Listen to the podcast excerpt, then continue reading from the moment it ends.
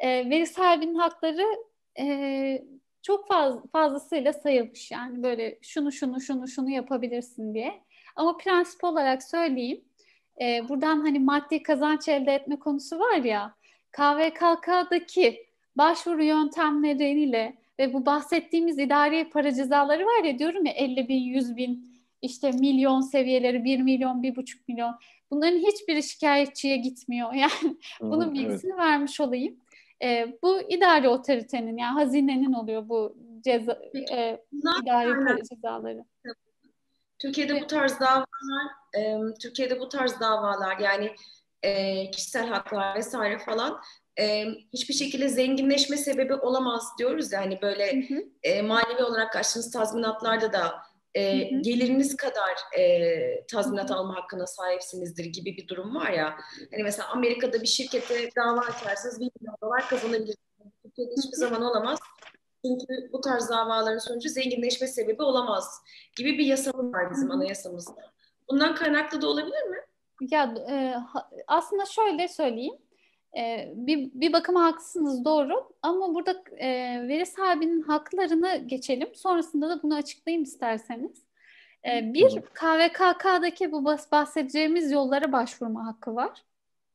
Bir de elbette yani diyelim ki o kişisel veri e, hukuka aykırı bir şekilde elde edildi veya hukuka aykırı bir şekilde aktarıldı e, vesaire işlendi e, ve ben yani veri sahibi o kişisel verilerin hukuka aykırı işlenmesinden kaynaklı olarak e, bir maddi zarara uğramış olabilir.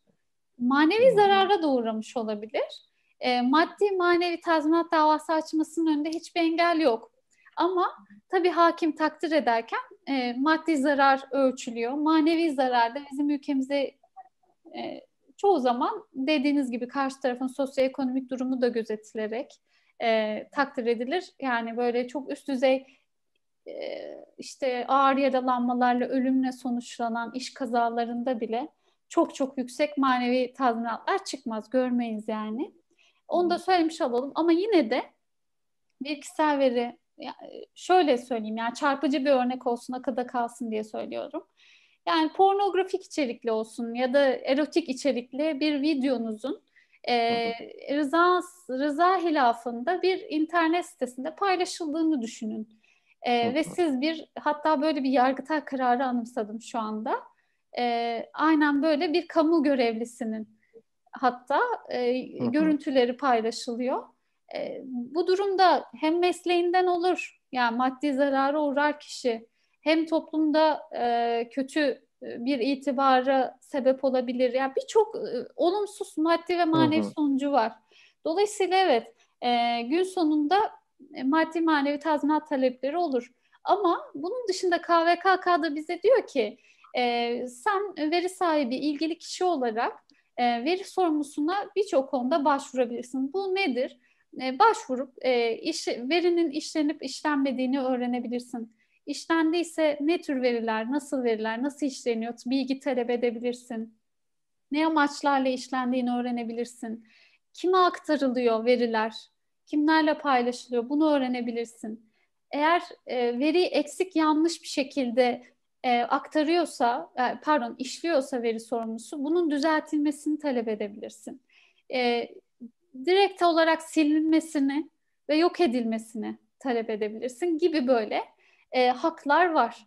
E, bu hakların hepsine başvurup yani e, öncelikle veri sahibine başvuracak ilgili kişi e, ve veri sahibinden cevap alamadığı takdirde e, kurula şikayette bulunabilecek. Böyle bir detay var. Direkt olarak biz kişisel verileri koruma kuruluna gidemiyoruz şikayet etmek için. Öncelikle veri sahibine başvurup e, talebimizi dile getiriyoruz. Oradan dönüş olmazsa belirli sürelerde kanunda yazan veya e, eksik, e, tatmin edici olmayan bir dönüş olunursa, olumsuz dönüş olunursa e, kurula şikayette bulunulabiliyor. Böyle.